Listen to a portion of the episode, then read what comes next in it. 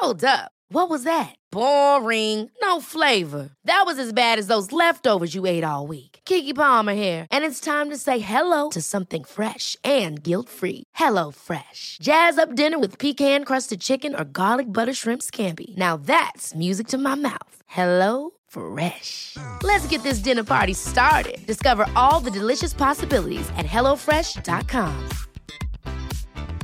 When you're ready to pop the question, the last thing you want to do is second guess the ring.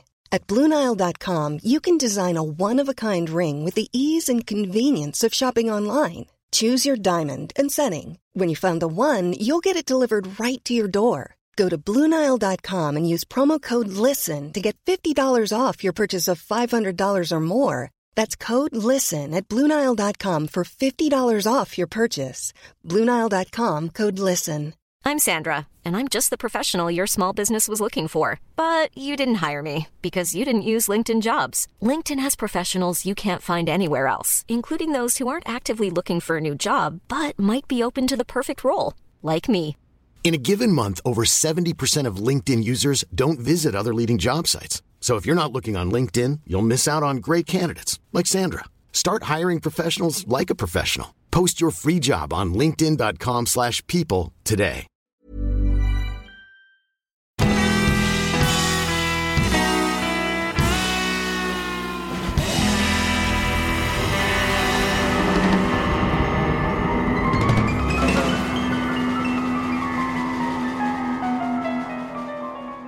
Hej allihopa! Välkomna tillbaka till Ståpäls. Det är fortfarande jag, Ida. Och Lukas. Ja. Ja. Ja, det är det. Eh, Jag tänkte fråga hur mår du? Men eh, vi spelar in flera avsnitt på raken så att eh, Ja, vi mår som vi mår. det är som förra veckan. Ja, precis. Exakt det- likadant. Fast det är samma dag. Ja, Ehm, ja, nej det är väl som det är. det är som det är. Ja, det är så varmt ute. Ja, Det är väldigt fuktigt. Vi ska väl inte klaga. Vi är Nej, det väldigt kanske är den enda det. sommaren vi får, vem vet aldrig. Ja, vem vet. Idag så blir det lite eh, true crime igen. Ja, Eh, Vi har två svenska fall. ja, inga seriemördare idag i varje fall. Nej, det kan man ju inte kalla dem. Idag blir det svenska mordfall. Ja. Det tänkte vi köra på. Mhm. Och idag så ska Ida börja. Ja. Och jag har ju ett fall som Lukas, han känner ju igen det. Men... ehm, Jag kan inte koppla just nu vem det är men jag har ju hört förmodligen några poddar om det här fallet. För jag lyssnar ju Antagligen. på allt möjligt men Antagligen. ja. Eh, Jag har ju som jag berättat för Lukas eh, utgått från P3 Dokumentär, lite artiklar, typ Aftonbladet och så vidare. Och ehm, en eh, serie som hette Morden vi minns. Mm. eh, som finns på Viaplay. Jag tror det gick på TV3 Mm. för ganska länge sedan. Eh, så jag har tittat på det och lyssnat på P3 Dokumentär. Mm. Och jag ska prata om Helene Nilsson i Hörby. Alla bara, eh, vem är det? ja precis. Vad fan Eh, är det? Helen, eh, är det du? Um, Helene Nilsson var en tioårig flicka i Hörby i Skåne. Nu kopplar Lukas. Hinner säga första meningen. Han bara, nu jävlar! Eh, och kvällen den 20 mars 1989 skulle hon gå till lågprisaffären 10 minuter från sitt hem i Hörby för att möta två kompisar. Eh, Det var första dagen på påsklovet och hon, fick, hon hade lekt med dem tidigare under dagen och så hade de kommit in och ätit middag. Och det här var första gången som hon eh, fick gå ut efter klockan sex. Mm, just det, ja. Eh, klockan är runt sju och föräldrarna sa fine, du ska vara hemma klockan åtta. Mm. Eh, för mamman sa att det var ett skollov. Så Ja. det är ett kort lov så Ja, att de ja, kan det inte hålla på och inget- vända på dygnet liksom. Inget sommarlov liksom. Nej. Eh, men eh, då Helen kom till den här affären så var inte hennes kompisar där. Men hon träffade några av eh, sin eller systers vänner. Och de pekade åt ett håll och sa de är nog där borta. Och eh, eh, man, man hör hennes mamma och hennes syster i P3 Dokumentär och syrran hon var så arg på sin mamma för att hon ville också gå ut och leka. Men hon var sjuk. Och Jaha. hade hon inte varit det då så hade ju de gått tillsammans. Aha. Eh, Men i alla fall, de pekar ju bort till några andra barn som håller på och leker och säger jag tror de är där borta. Eh, Och det är det sista man ser av Helen. Eh, fem över åtta så börjar familjen undra vad hon är.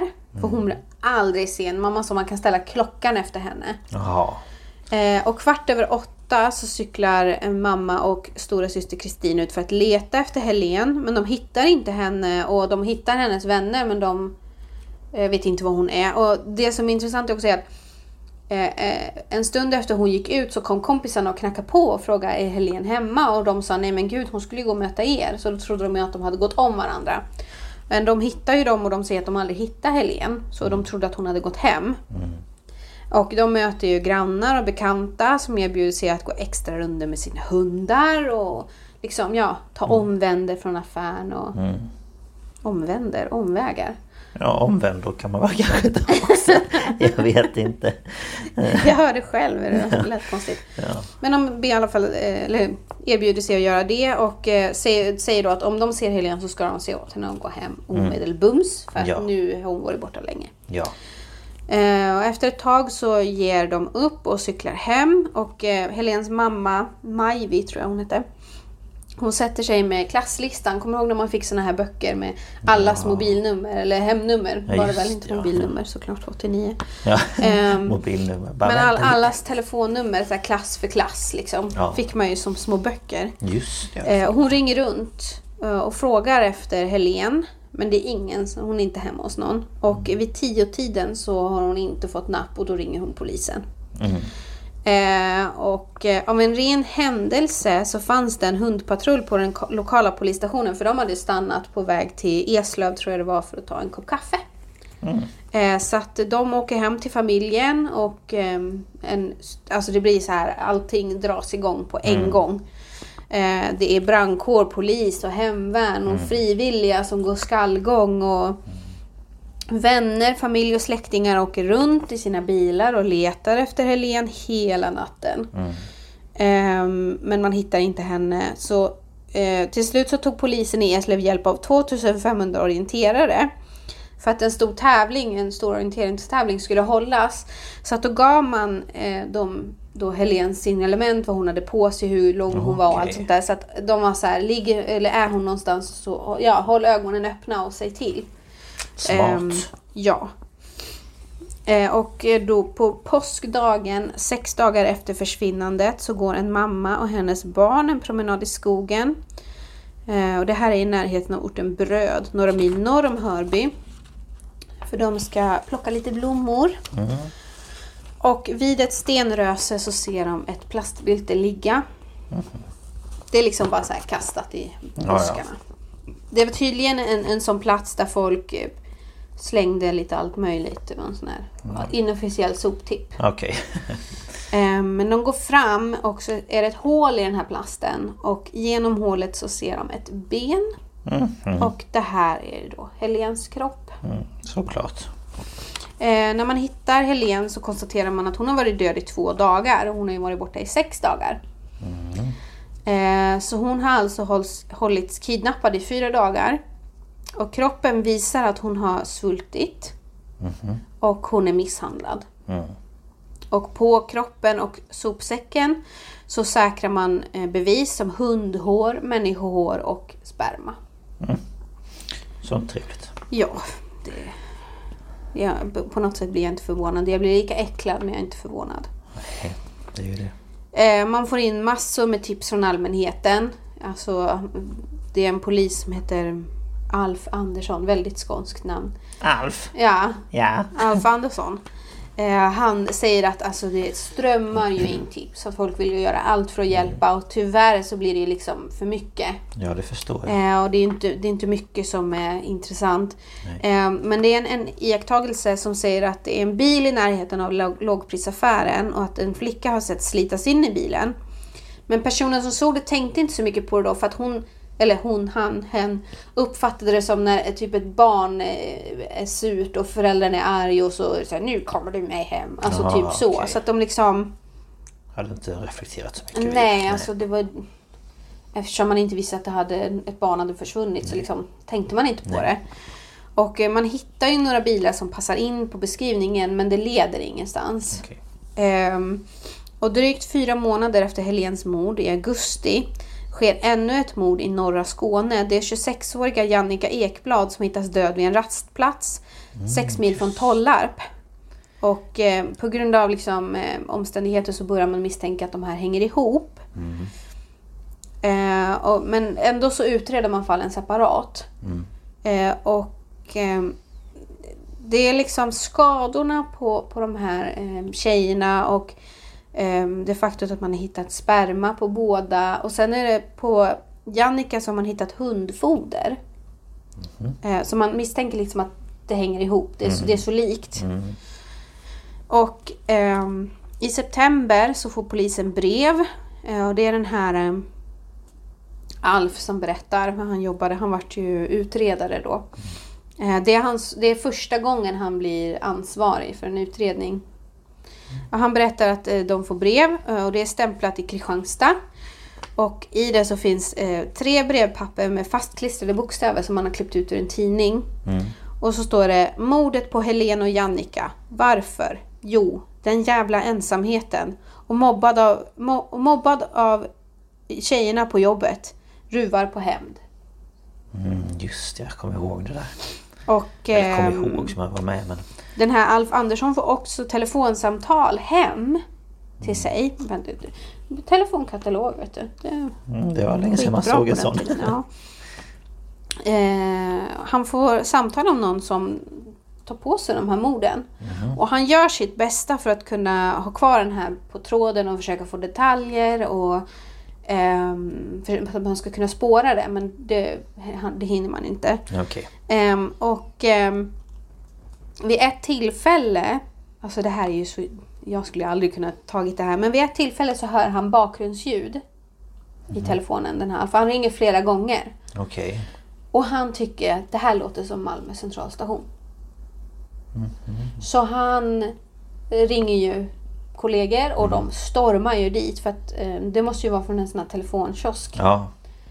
Eh, men det är ingen där. Nej. Men sen ringer den här personen upp och bara ja, det var jättemånga poliser du skickade hit då. Det var en jävla hallabaloo. Vilken liten sneaky jävel. Liten fitta.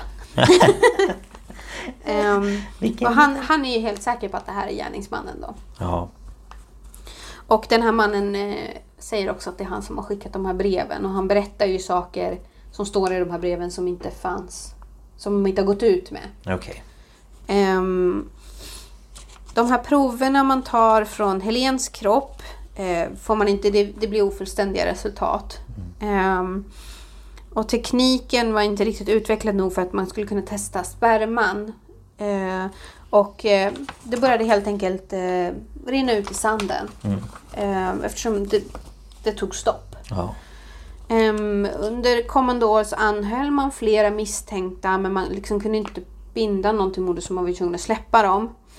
Och i januari 95 så säger Thomas Quick att han var i Skåne vid tiden för mordet.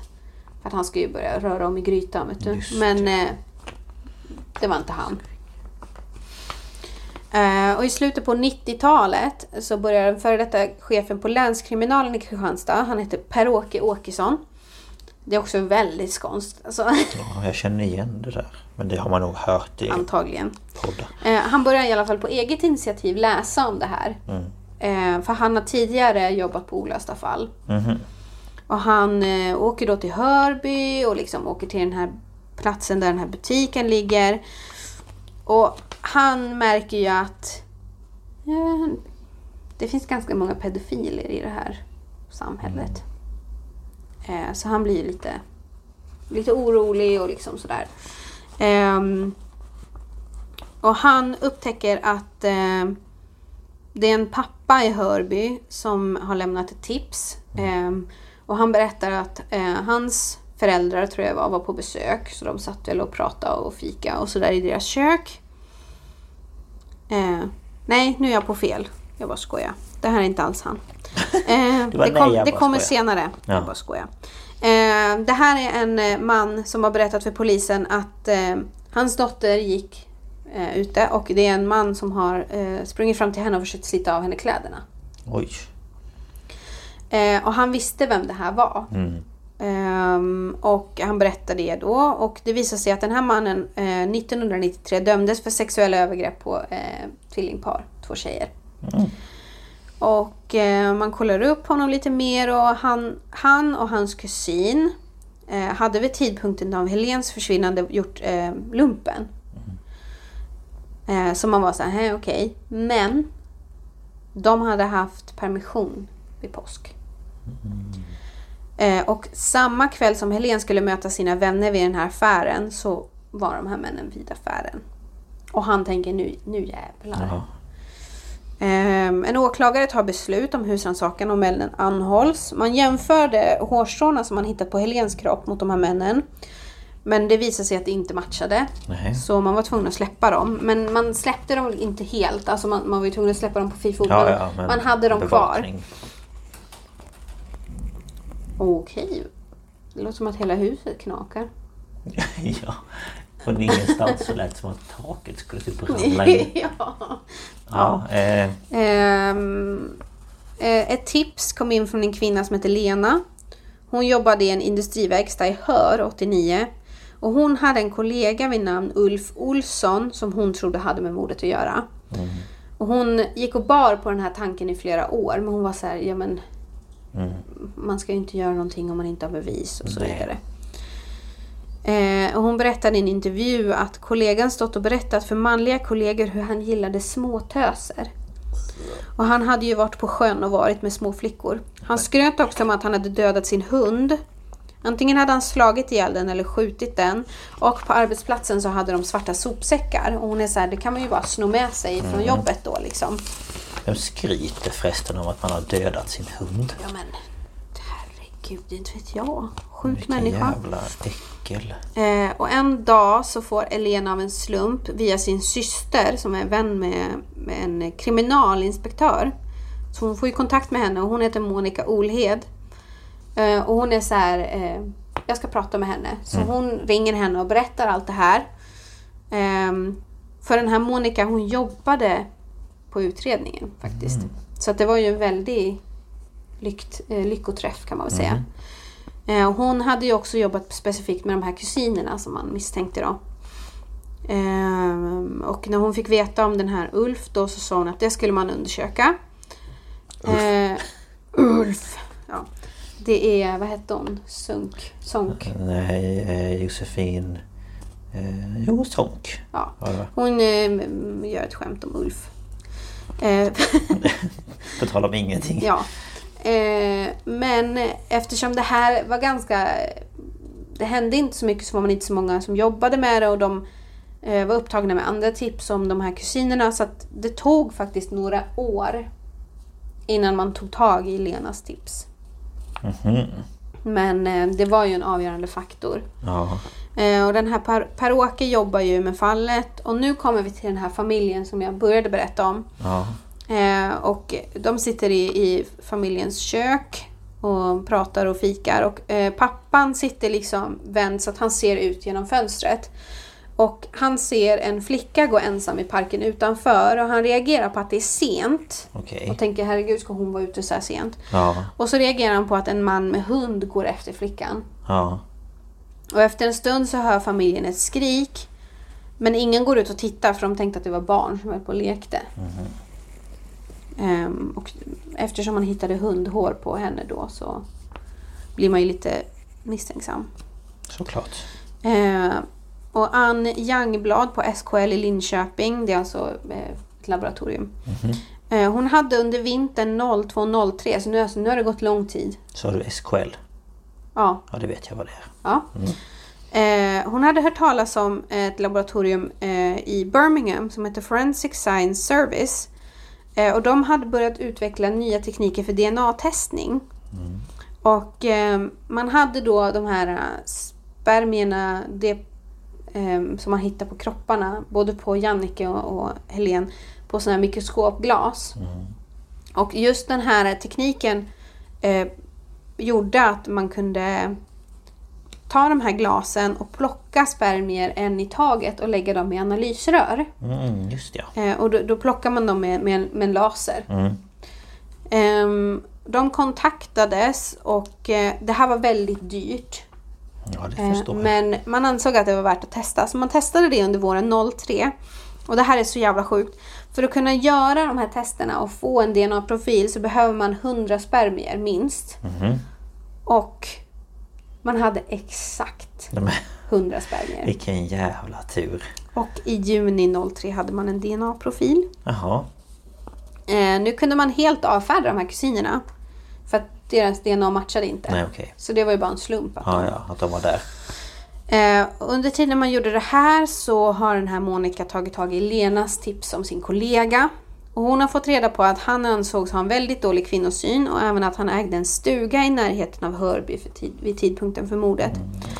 Och hon tycker att det är viktigt att man ehm, testar honom. Att man lägger till honom på den här listan av misstänkta man kommer att DNA-testa.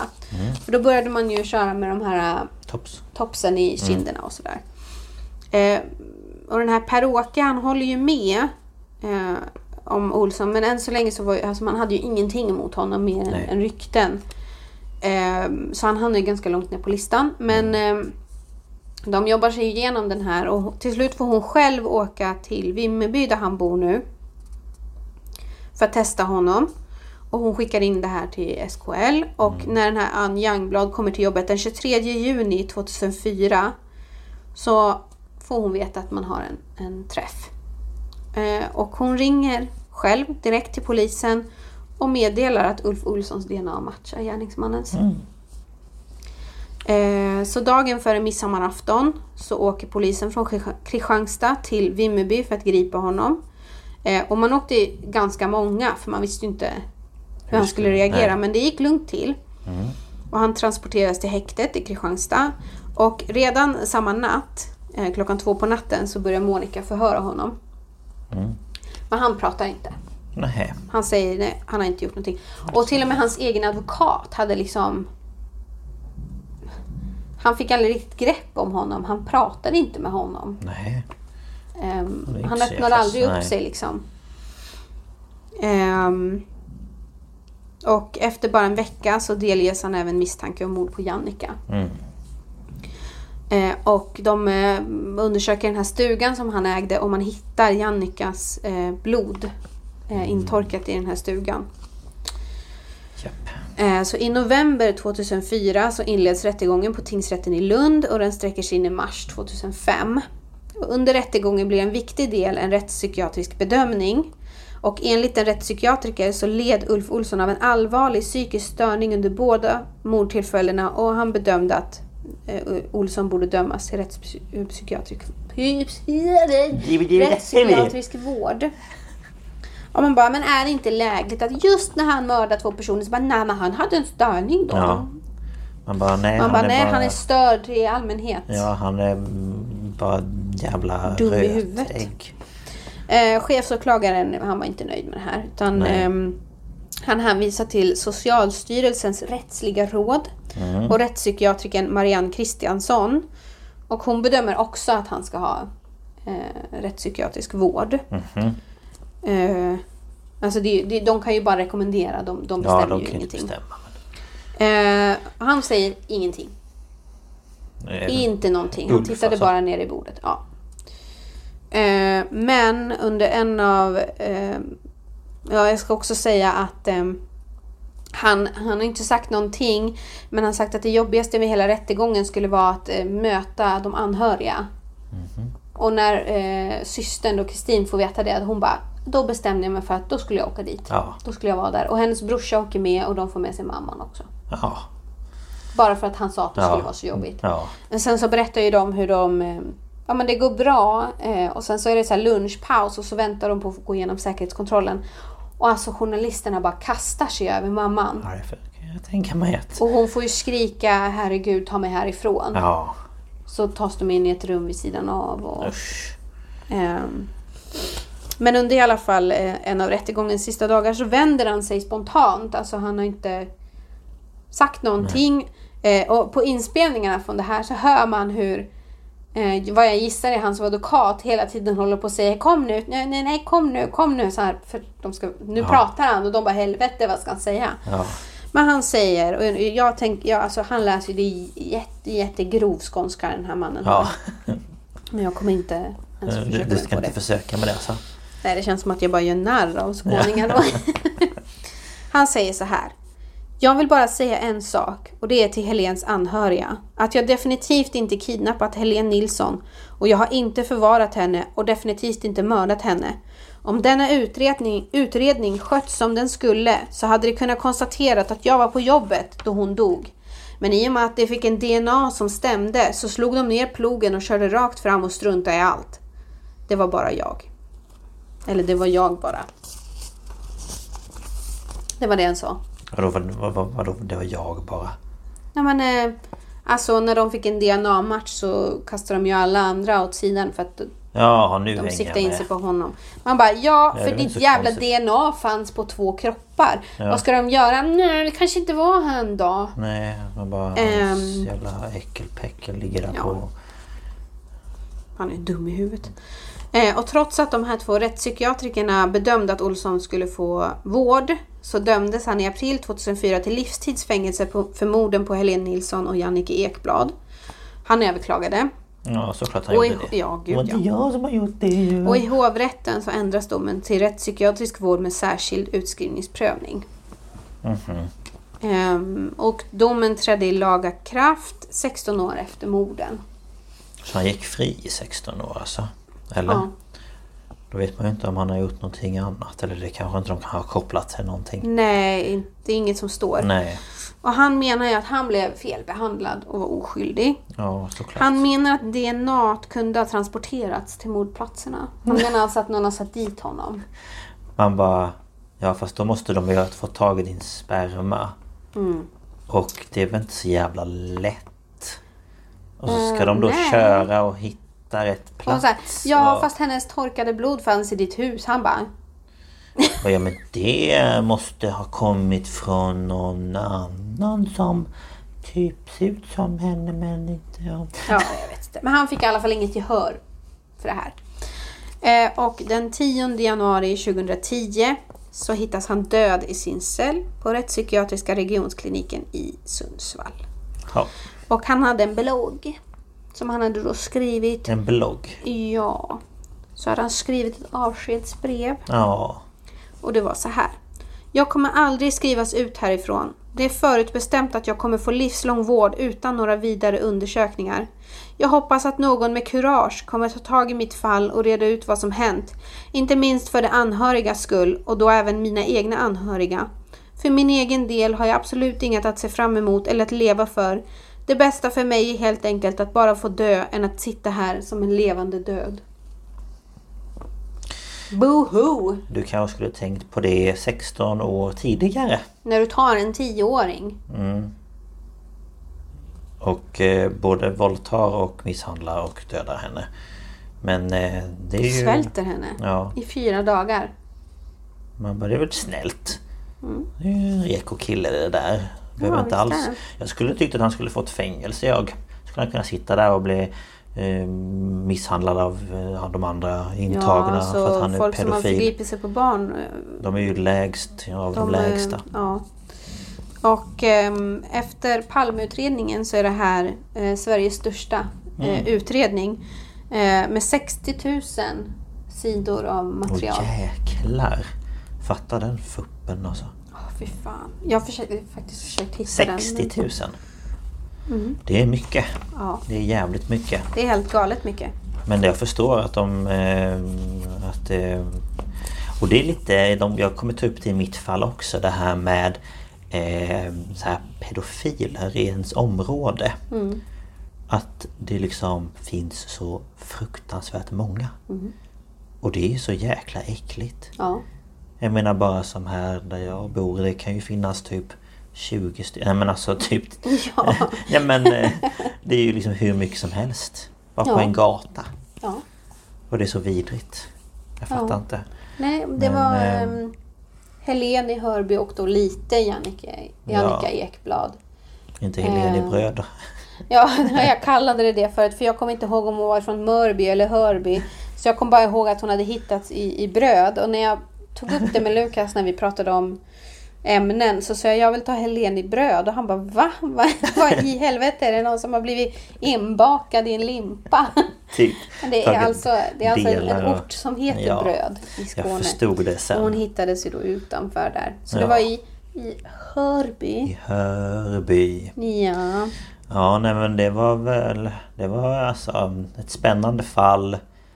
Eh, Men ett eh, väldigt eh, tråkigt sådant. ja, det är jättetragiskt. Samtidigt. Både att det var en, en liten flicka och en, en ung kvinna liksom. Hur gammal var Jannica då? 26. 26. Ändå ganska stor liksom. Ja, så jag fattar inte vad 10 han, vad han var ute 26 efter eller var det liksom bara tillfället som gjorde... Ja. Nu har jag, jag har ju inte läst i detaljerna i Jannikas Nej. fall. Eh, Det kanske man kan ta upp i något senare Ja, tillfälle. det kan man kanske göra. Eh, Men de kopplades ju ihop här eftersom det var samma gärningsman. Mm. Ja, nej men eh, bra researchat i varje fall. Thank you. Så ska jag väl köra igenom mitt också. Ja, det blir spännande.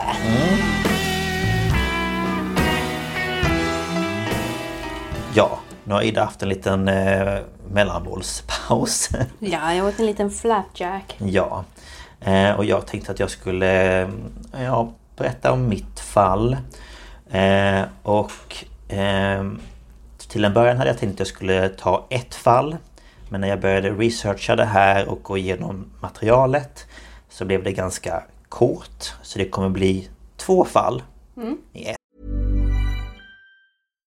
Hi, I'm Daniel, founder of Pretty Litter. Cats and cat owners deserve better than any old fashioned litter. That's why I teamed up with scientists and veterinarians to create Pretty Litter. Its innovative crystal formula has superior odor control and weighs up to 80% less than clay litter. Pretty Litter even monitors health by changing colors to help detect early signs of potential illness. It's the world's smartest kitty litter. Go to prettylitter.com and use code ACAST for 20% off your first order and a free cat toy. Terms and conditions apply. See site for details. Hold up. What was that? Boring. No flavor. That was as bad as those leftovers you ate all week. Kiki Palmer here, and it's time to say hello to something fresh and guilt-free. Hello Fresh. Jazz up dinner with pecan-crusted chicken or garlic butter shrimp scampi. Now that's music to my mouth. Hello Fresh. Let's get this dinner party started. Discover all the delicious possibilities at hellofresh.com.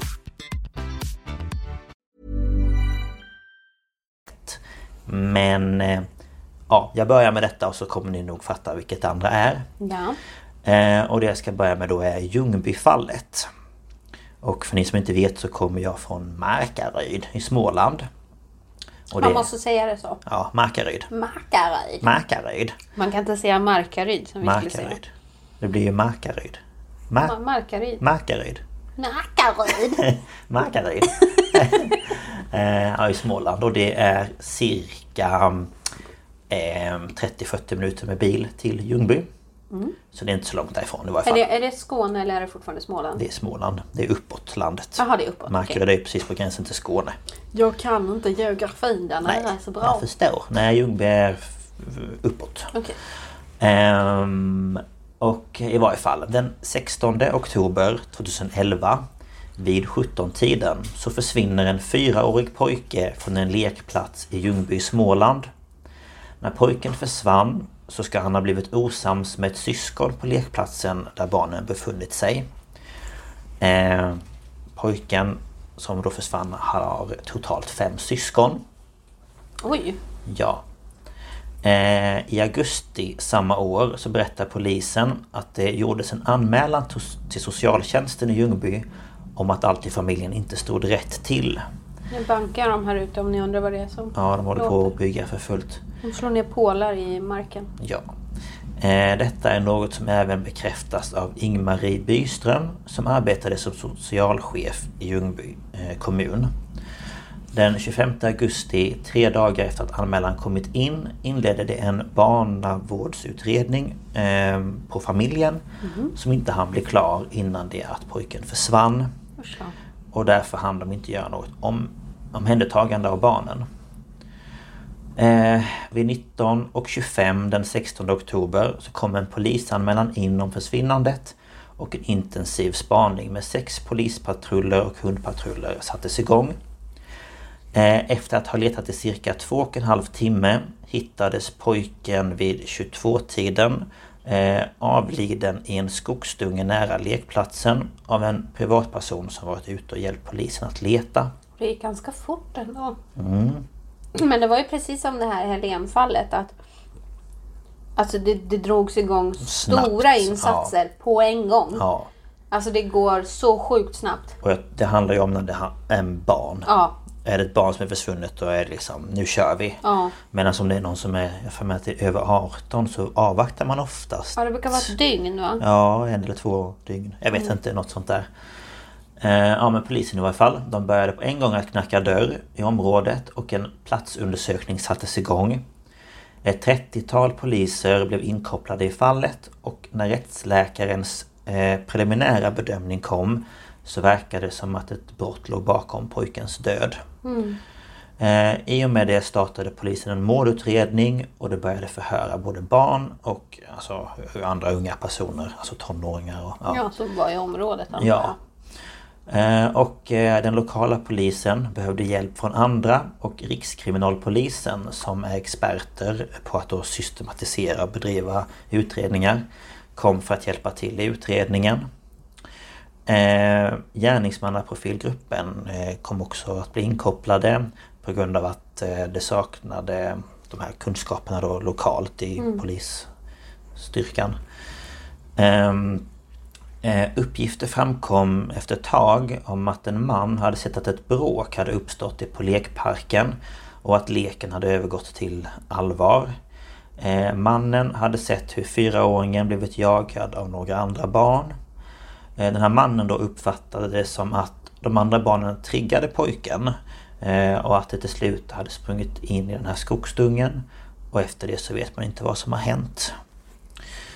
Eh, polisens spår ledde så småningom till att ett annat barn dödat den här fyraårige pojken. Och i förhör med polisen så erkände en tioårig pojke att han strypt pojken med ett hopprep. Nej men gud. Eh, Efter erkännandet så förflyttades tioåringen med familj till en annan ort i Sverige där tioåringen fick vård och stöd dagligen.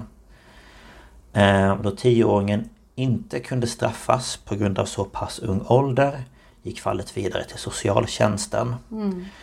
Eh, De gjorde då eh, det tydligt från början att de inte ville straffa pojken utan de menade på att det är en mycket ovanlig händelse att ett barn eh, dödar ett annat barn och att det därför behövdes rätt vård och behandling.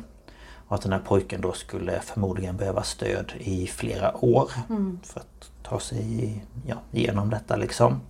Ja, och kunna få hjälp att hantera sina känslor. Ja, för jag tänker att en tioåring som kan göra en sån handling Det känns som att det är någonting är ju inte rätt. Ja, men de, har, inte- de, har inte, de har inte det där konsekvenstänket och sen det här att vad gjorde- kunna, kunna behärska sig. Ja. Och sen alla tankar och känslor efteråt och familjen till den här och sen också då familjen till den fyraåriga pojken.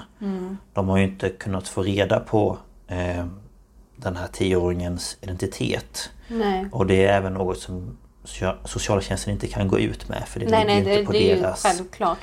Ehm, Så de vet ju inte vem det är som har gjort det här mot deras barn. Nej. Ehm, Men de har ju också fått stött, stött, stöd på olika sätt. Mm. Ehm, Och själva motivet till varför tioåringen ströp den andra pojken har man inte heller kunnat få något svar på. Nej. Vad det var som ledde till den här... Ja, så antagligen så blev de ju osams om någonting. Ja, någonting måste ju ha gått totalt överstyr och att eh, den där tioåringen tappade fattningen. Det, Och... det känns ju inte som att han liksom planerade att göra det utan det var någonting som hände. Ja, alltså det känns ju som att det måste... Ja, det är så... Det måste ju bara ha Jag tror liksom inte att han, tyvärr. han, hen, vi vet ju inte, det var en tioåring. en tioårig pojke. Ja, det var en pojke.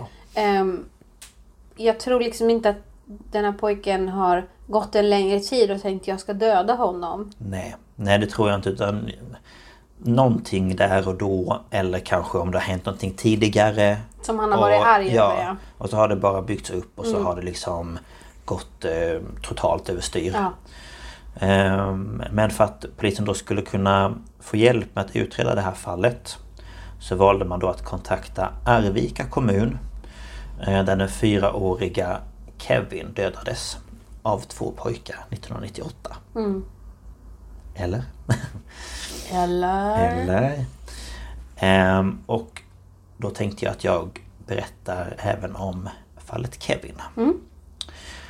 Ehm, och det var då den 16 augusti 1998 som den fyraåriga Kevin hittades död på en lastpall vid Kyrkvikens strandkant i Arvika. Kevin hade tidigare på dagen varit ute och lekt med sina vänner men hade aldrig kommit tillbaka hem. Och larmet kom in till SOS vid 21.31 eh, och till en början trodde man att det rörde sig om en drunkningsolycka. Mm. Både polis och ambulans skickades till platsen och när ambulansen kom dit så såg de att pojkens mormor hade påbörjat upplivningsförsök eh, med mun mot mun metoden. Eh, trots då att hon redan förstod att Kevin var död.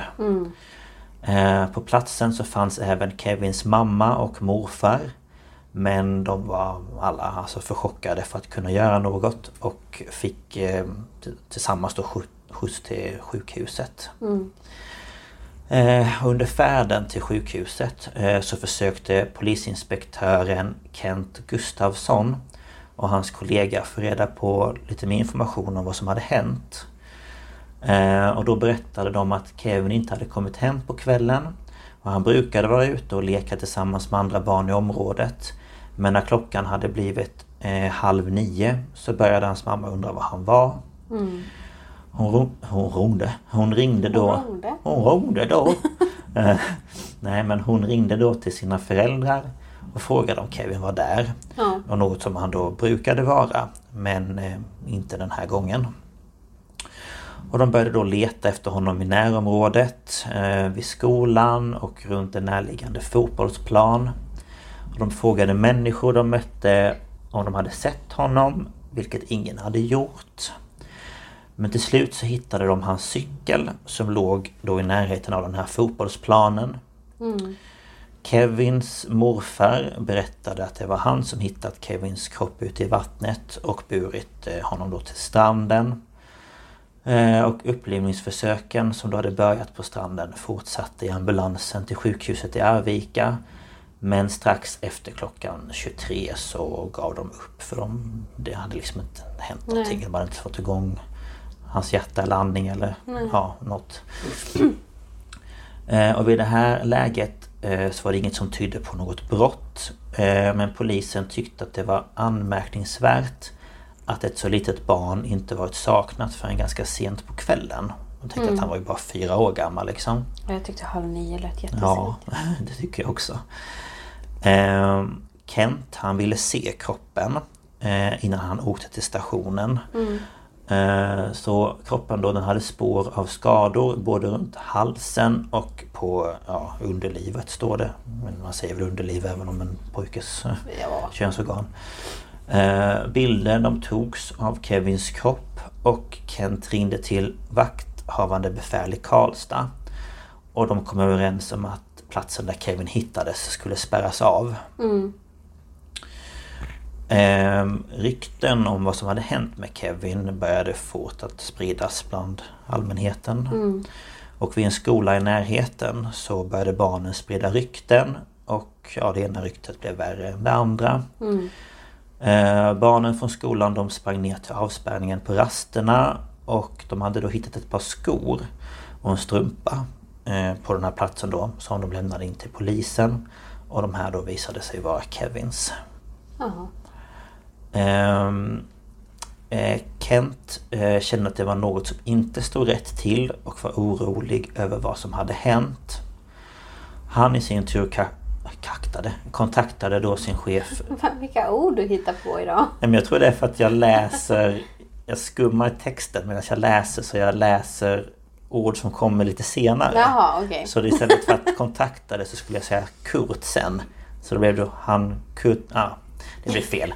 Han kontaktade då sin chef Kurt Nilsson i varje fall. Eh, och Kurt valde i sin tur att kontakta socialen och fick då kontakt med Leif Nyström som då var chef för barn och familjeenheten. Mm. Eh, Kurts, eh, Kurt och han kontaktade även den biträdande chefen för den operativa delen på länskriminalen i Värmland. Och de kom tillsammans fram till att begära en utvidgad rättmedicinsk obduktion av Kevins kropp. Ehm, så dagen efter så ringde Kurt till professor Ramer vid rättsmedicin i Linköping som tyckte att de skador Kurt berättade om lät oroväckande och efter att ha undersökt kroppen så rådde det inga tvivel om att Kevin kvävts till döds. Eh, professorn kunde även se mindre bristningar runt ändtarmen. Något som ledde tankarna till sexuellt övergrepp. Eh, för att kunna lösa vad som hänt Kevin aktiverades en helt ny eh, organisationsplan för grova brott i Värmland. Mm -hmm. Och i och med den nya organisationen skulle brottet lösas med hjälp av poliser från orten med god kännedom om området tillsammans med personal från länet och experter från Rikskriminalen. Mm. Och detta innebar då att Arvikas polisverksamhet fick ytterligare 20 personer att arbeta med. Mm. Eh, och de spår man fått in pekade till en början på att man jagade en pedofil och arbetet pågick dygnet runt. Eh, polisen gjorde en större avspärrning av fyndplatsen då den det tidigare gjort var för liten. Det var liksom för ett litet område, de mm. behövde göra det större. Eh, de kallade in dykare som undersökte området där Kevin hittats men de kunde inte hitta något speciellt. Eh, och vid en kartläggning så upptäckte man att tre dokumenterade pedofiler hade setts tillsammans med Kevin dagen Kevin hittat stöd. Fy fan! Ja, och när bostadsområdet granskades så upptäcktes ytterligare dokumenterade pedofiler. Visst är det fantastiskt? Jag vet inte ens vad jag ska säga. Fattar du hur många det måste finnas? Så oh, jävla vidrigt. Oh. Ja. Eh, men även om man då var inne eh, mest på det här med att en pedofil låg bakom mordet så var det mycket som talade för att eh, barn på något sätt varit involverade. Mm. Och plötsligt så berättar en femårig kamrat till Kevin att han sett mördaren och senare även kan säga vad mördaren heter. Och då blir barnspåret intressant. Alltså mm. hos polisen då. Polisen eh, började förhöra barn mellan 11 till 13 års ålder. Eh, men polisen upplevde att både barnen och deras föräldrar ljög om vad de berättade. För att polisen skulle kunna hålla förhör med barnen på ett så bra sätt som möjligt kontaktade eh, de då socialen och barnpsykologer som fick vara med och tolka och stötta barnen. Mm. Eh, polisen kontaktade även Rädda Barnen samt experter på olika universitet och sjukhus. Eh, och på Stockholms universitet så fick de kontakt med en professor inom psykologi som hette Sven-Åke Kristiansson. Eh, han gick igenom förhören med femåringen ehm, och hans storebror då, som var två år äldre. Och han var övertygad om att femåringen tillsammans med sin bror var det som utfört mordet. Det visade sig också att det var eh, termometersalva som man sett vid ändöppningen hos Kevin. Mm. Ändöppningen, ändtarmsöppningen menar jag. jag reagerade inte jag, inte jag heller för när jag hade sagt det. Jag bara, ändöppningen. när du sa det en gång till så bara... ja. Jag fattade vad du menade. Ja. Men... alltså det var ingenting, eh, liksom, det var ingen sperma eller så utan nej, det nej, var nej, okay. salva. Um, och um, en uh, polis då som heter Ingrid, Ingrid Harrison som har arbetat som polis i mer än 30 år. Oj var den som höll det inledande förhöret med femåringen. hon fick träffa både honom och hans storebror flera gånger. Eh, och att förhöra två små barn som gärningsmän hade aldrig tidigare hänt i Sverige. Nej. Eh, och det dröjde ungefär lite mer än två månader innan bröderna berättade sanningen. Den information som kom fram var att söndagen den 16 augusti hade Kevin ringt på hemma hos sin femåriga kompis och frågat om han kunde komma ut och leka. Det hade inte gått eh, då de skulle ha gäster över på middag. Men efter middagen hade alla barn gått ut för att leka. Och det var då femåringen, hans storebror och tre andra barn från den här familjen då som var på besök. De träffade Kevin vid fotbollsplanen och där hade de börjat knuffa varandra. Femåringen ska då ha fällt Kevin och tillsammans med sin storebror hade de börjat sparka på Kevin. Bland annat då i ja, underlivet. Eh, och förmodligen så kvävdes Kevin liggande på rygg genom att en pinne tryckts mot hans hals. Och, att, och för att försäkra sig om att han var död så hade de här bröderna då ställt sig på hans hals. Nej. Åh herregud. Ja. Eh, det ska sedan ha släpat Kevins kropp eh, ner mot stranden. Bröderna ska sedan ha sprungit hem och berättat vad som hänt. Men ingen hade förstått allvaret. Bland de vuxna alltså. Den 2 november 1998 så var fallet avslutat.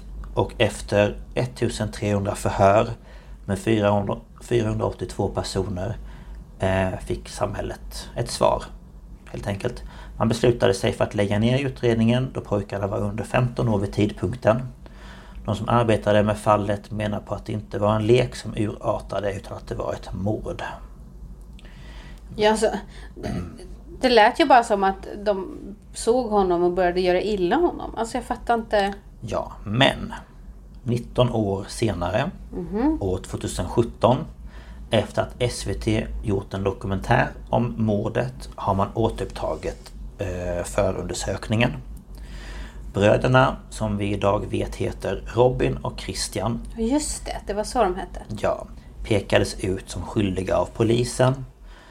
Det har kommit fram information om att polisen höll över 30 förhör med bröderna. Eh, vilka vissa kunde pågå i flera timmar, när de var barn. Vid förhören närvarade varken barnens föräldrar eller deras försvarsadvokater. Nej. Barnen fick även vara med och genomföra tre vallningar på platsen där Kevin hittades. Var det inte också så att de ställde väldigt ledande frågor till dem? Jo, precis. För det står även så här, eller det jag har undersökt är att i SVTs granskning av fallet så framkommer det även att brödernas erkännande aldrig spelades in. Utan det finns bara nedskrivet i Rolf Sandbergs minnesanteckningar. Det var då den biträdande chefen för den här länskriminalen i Värmland. Okej.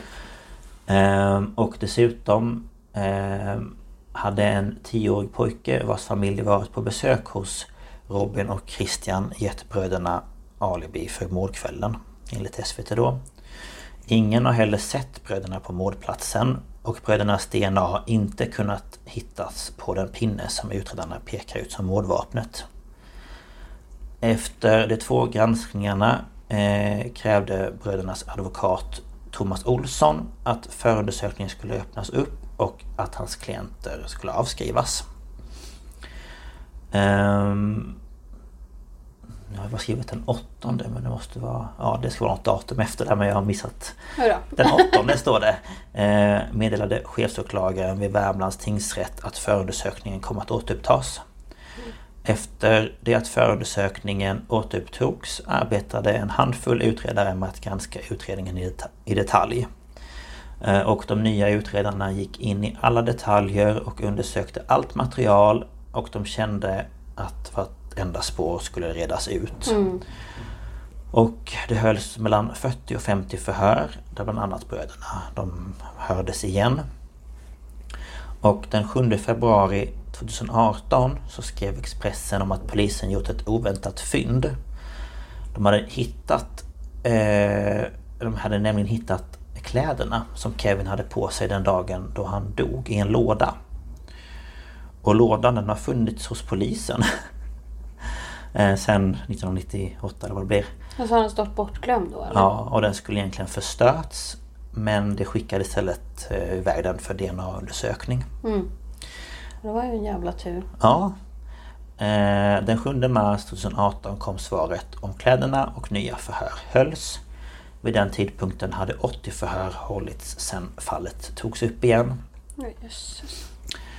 Eh, Den 27 mars 2018 kom beslutet om att de båda bröderna skulle avskrivas från utredningen. Något som bröderna väntat på i flera års tid. Men nu var de, de, var de vuxna nu? Eller var de tonåringar? Eh, nej, han, den ena är 28 och den andra är 26 Okej. tror jag. Eller något sånt där.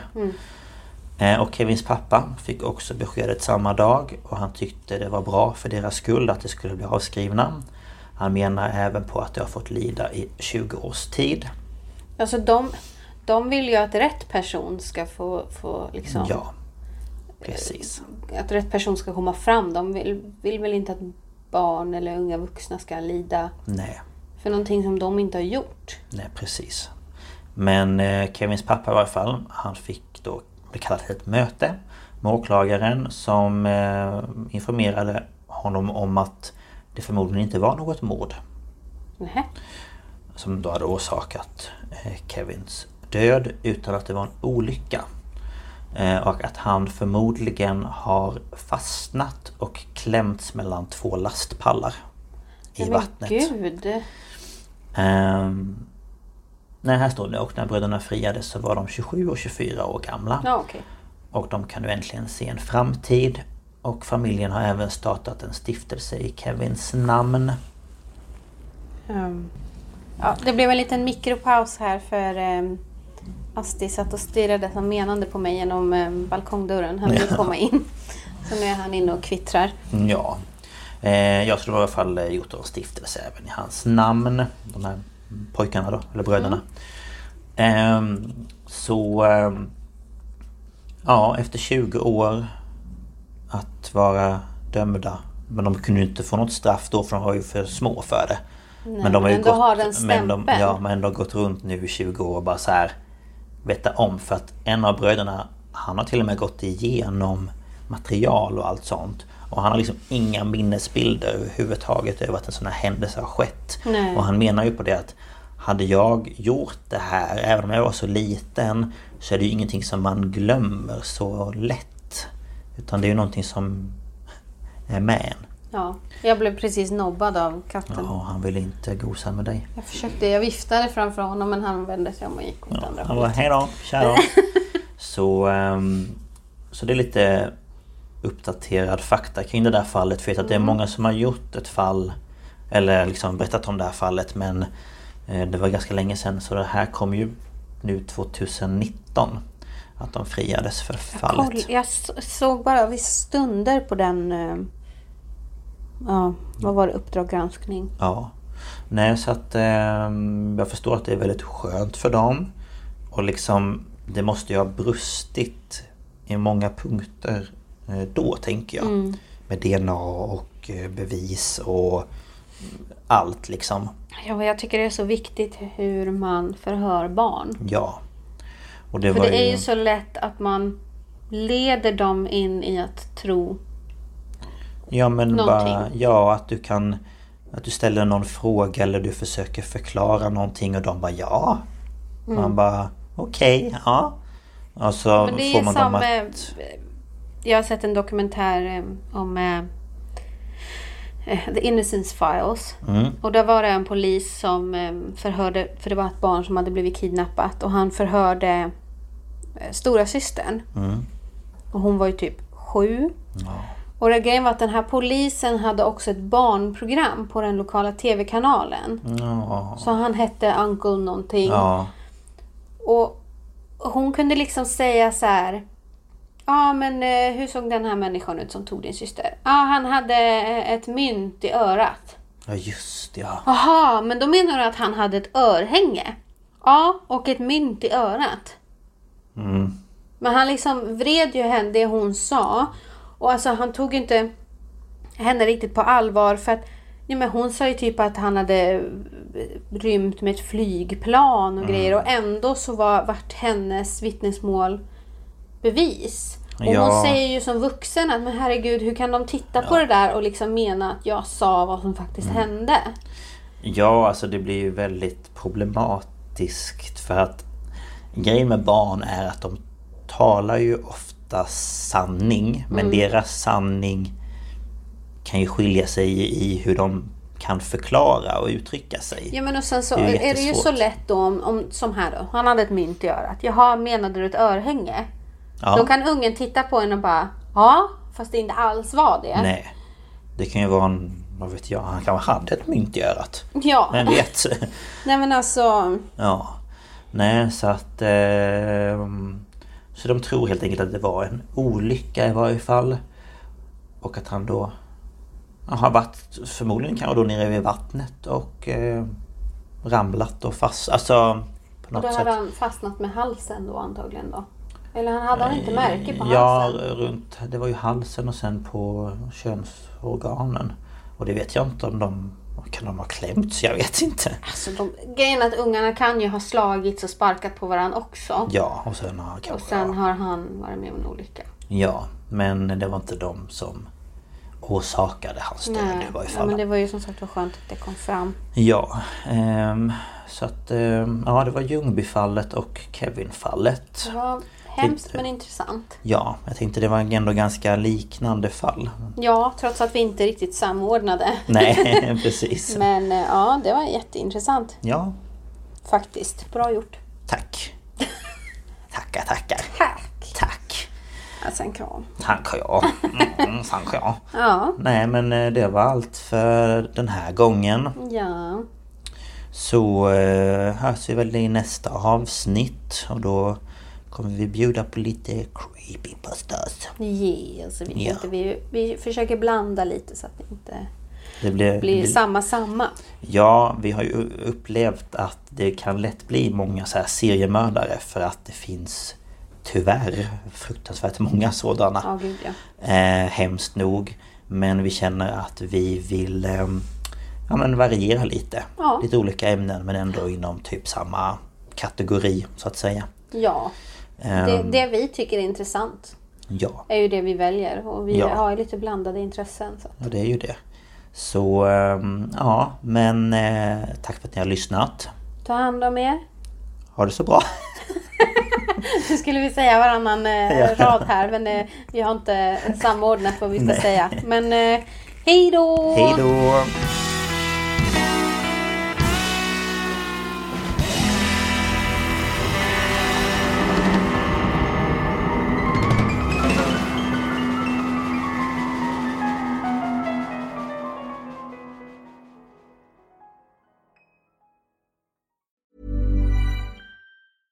Hi, I'm Daniel, founder of Pretty Litter. Did you know cats tend to hide symptoms of sickness and pain? I learned this the hard way after losing my cat, Gingy. So I created Pretty Litter, a health monitoring litter that helps detect early signs of illness by changing colors, saving you money and potentially your cat's life. Pretty Litter is veterinarian developed, and it's the easiest way to keep tabs on your fur baby's health right at home. Go to prettylitter.com and use code ACAST for 20% off your first order and a free cat toy. Terms and conditions apply. See site for details. Hey, it's Paige DeSorbo from Giggly Squad. High quality fashion without the price tag. Say hello to Quince.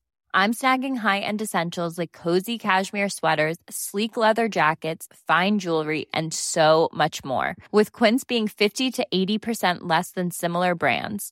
And they partner with factories that prioritize safe, ethical, and responsible manufacturing. I love that. Luxury quality within reach. Go to quince.com slash style to get free shipping and 365 day returns on your next order. Quince.com slash style. Hold up. What was that? Boring. No flavor. That was as bad as those leftovers you ate all week. Kiki Palmer here, and it's time to say hello to something fresh and guilt-free. Hello Fresh. Jazz up dinner with pecan-crusted chicken or garlic butter shrimp scampi. Now that's music to my mouth. Hello Fresh. Let's get this dinner party started. Discover all the delicious possibilities at hellofresh.com.